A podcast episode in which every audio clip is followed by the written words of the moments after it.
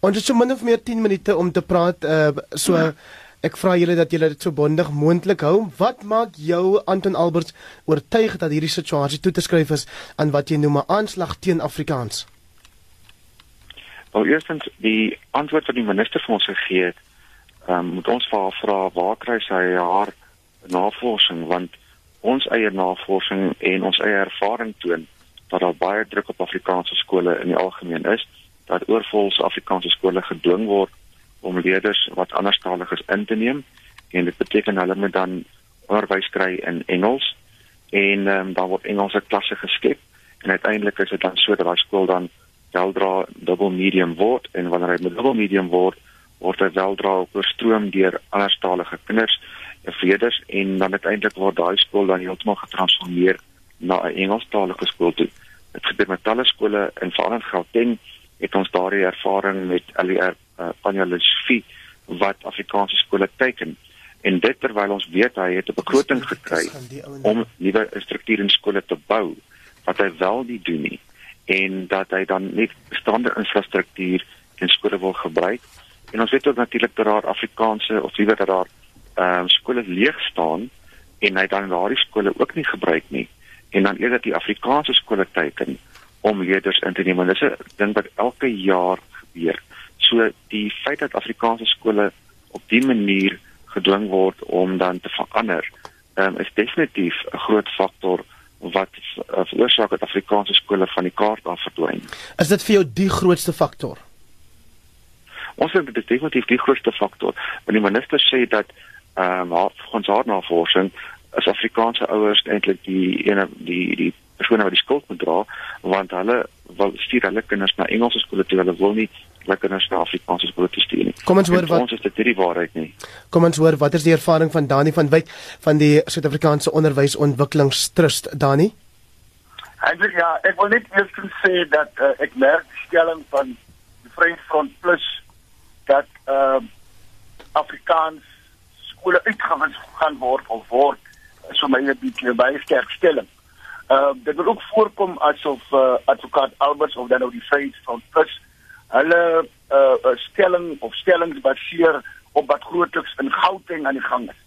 Uh die ondervinding wat hulle met uh minister of in uh, uh, uh lid van die uh van die plaaslike uh uh, uh provinsiale regering daar het so veel.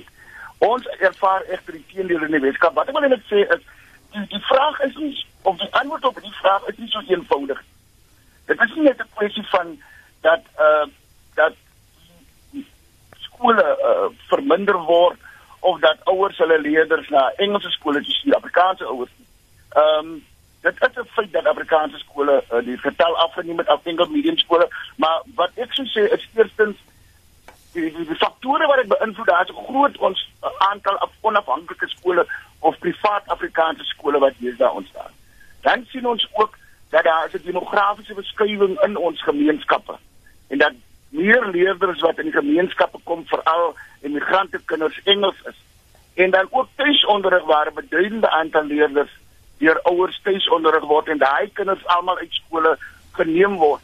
Ehm um, daar was ook die sluiting van van baie kerkskole en dan merk ons ook uh, dat baie prinsipale en skoolbeheerliggame hulle personele wil beskerm omdat Afrikaanse die getal Afrikaanse leerders krimp hier byvoorbeeld dan te, te gaan vir die opsie van van van van dubbel medium skool. So daar's 'n hele aantal faktore wat 'n mens in ag moet neem en ons kan dit nie net afsonder tot een spesifieke rede dat Afrikaanse ouers hulle kinders na Engelse skole toe stuur. Advokaat Anton Alberts, private Afrikaanse skole is een van die redes waarom die staatskole 'n afname toon sê Dani van Wyk jou reaksie? Wel, Afrikaanse privaat skole ontstaan juis weens druk van die regering af. Um, om die openbare skole sluit en die ouers wat dit kan bekostig, stuur hulle kinders na privaat skole. Ons moet onthou privaat skole is baie baie duurder as openbare skole. So ouers sal verkies om hulle kinders na Afrikaanse openbare skole te stuur want die kostes is minder.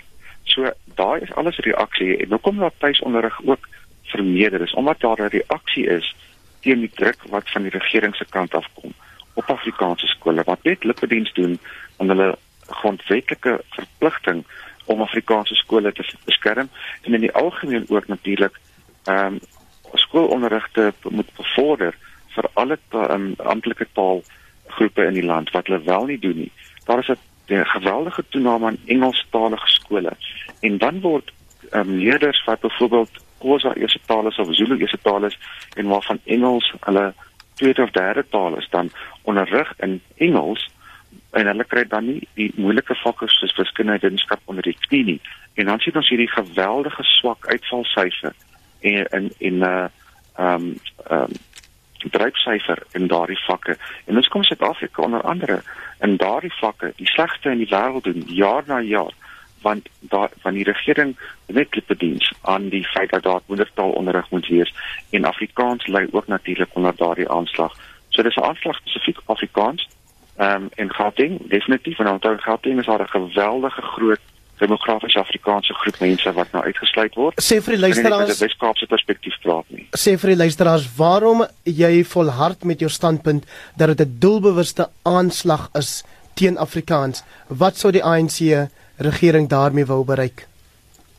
Wel die ANC is definitief ideologies gedryf en as ideologies gedryf met hierdie wit monopolie kapitaal gedagte wat hulle het in die eerste plek.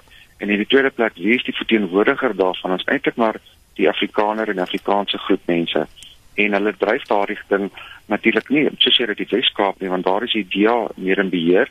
Maar in Gauteng is is meneer Lesofie definitief daarop ehm um, afgestem om of, of ingestem daarop om Afrikaanse skole te teken. Hy doen dit elke jaar en hy haal die nuus daar daarmee elke die jaar.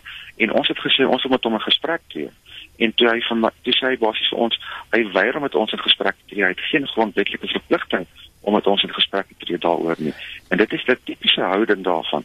Van iemand wat 'n ideologiese gedrewe agenda het so daar's ons geen twyfel dat die bewyse bestaan dat dit wel die geval is nie Dani van Wyk Pan Panyaza Lesofie is nie die ALR in die Weskaap nie, maar ook daar by skole op die Kaapse vlakte vind jy dat hulle taalmedium dikwels na parallel of dubbelmedium moet verander of selfs Engels word om ander kinders wat nie Afrikaans sprekendes nie te akkommodeer. Geef ons 'n insaag in hoe daai situasie lyk. Ja, uh Hendrik, uh, as ek 'n paar voor of aan die hand van 'n paar voorbeelde kan noem een in Mitchells Plain het ons 16 hoërskole en 42 primêre skole. Ehm um, baie van die leerders van Kailicha skryf word ingeskryf in Mitchells Plain en dit het 'n groot invloed gehad op die taalmedium van skole.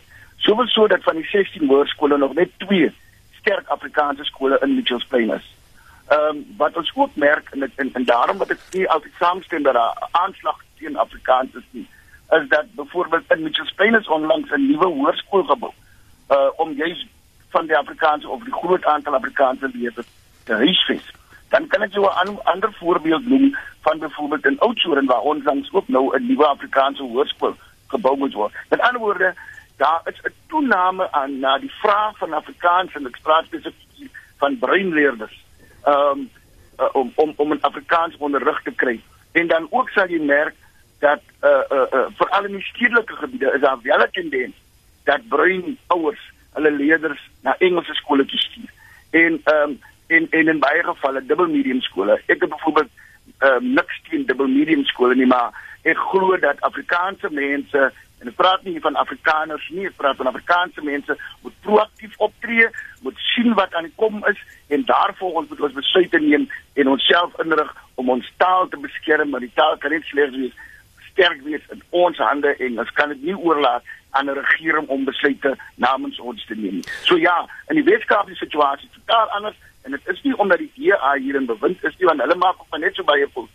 Dit gaan hier oor omdat hier 'n baie groot Afrikaanse gemeenskap nog in die Weskaap is wat uh, daarop aandring dat hulle leerders, hulle kinders nog in Afrikaans onderrig moet word. Danie van Wyk selfs al verskil jy met die VF+ se ideologiese standpunt, moet jy sekerlik die bekommernis deel van advokaat Alberts en die VF+ wanneer 580 Afrikaans enkel medium skole oor 'n tydperk van 14 jaar verdwyn het. Ja, ek deel die kommer. Maar soos ek sê, dit beteken nie dat ons iewers moet daai uh soort van stroom moet iewers gestuit word die afname in die in in in die aantal skole. En hoe gaan ons dit ons dit doen?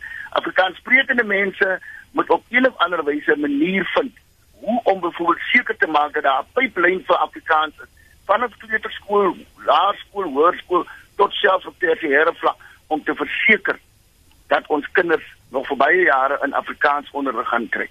Ehm uh, die afname is 'n is 'n is, is gewis is gegee, maar ek sê nog steeds dat ons iets vanaf ons kant moet doen om te verhoed en slegs ouers, Afrikaanse ouers en Afrikaanse gemeenskappe kan dit doen en nie en en en dit nie oorlaat aan die regering om namens ons besluite te neem in terme van die taalmedium van ons skole nie.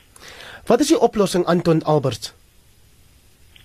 Ja, dit is ongelukkig ehm um, sodat die regering nie sy verligting nakom nie en dit is sodat die burgerlike gemeenskap dan wel ook dins moet doen en kyk hoe hulle kan Afrikaans uh, so onderrig red deur self instansies te skep. Is ongelukkig baie duur om dit te doen en die jammerte daarvan is dat mense dan dubbel belasting betaal van jy al reeds belasting aan die, die nasionale regering betaal en die provinsiale regering in verskeie forme en dit kom nie terug na jou gemeenskap toe nie. En uh, wat die breingemeenskap betref in Gauteng, ervaar hulle presies dieselfde. Daar was um, die afgelope paar jaar geweldige optogte by die Davidson Laerskool gewees in Witpoortjie wat ehm um, waar daardie um, laerskool opgestaan het en gesê het maar ehm um, julle sit Engelse onderwysers in ons skool en uh, in in die Eldorado Park het ek Saterdag met mense vergader en hulle het self vir my gesê dat ehm um, baie van die optogte en frustrasies wat daai gemeenskap kom gaan ook oor die feit dat daar Afrikaanse skole is wat onder druk is. So die antwoord moet kom deels uit die burgerlike samelewing uit en dit moet dan ook natuurlik kom van die regering af om deur druk op die regering te plaas te sê maar daai belasting geld wat ons betaal moet terugkom na ons gemeenskappe toe. Dani van Wyk, ek kry myself weer in groot moeilikheid by my redakteur Justin Kennerly, maar 'n ja nee antwoord asseblief. Speel die aanvraag vir Engelse onderrig op hoër onderwysvlak 'n rol in die afskaal of die afname in enkel medium Afrikaanse skole? Ja. Baie dankie vir vanoggend se gesprek. Dit was dan Dani van Wyk van die Suid-Afrikaanse Onderwysontwikkelingstrust en advokaat Anton Alberts van die VF+ wat hierdie kwessie op die tafel geplaas het.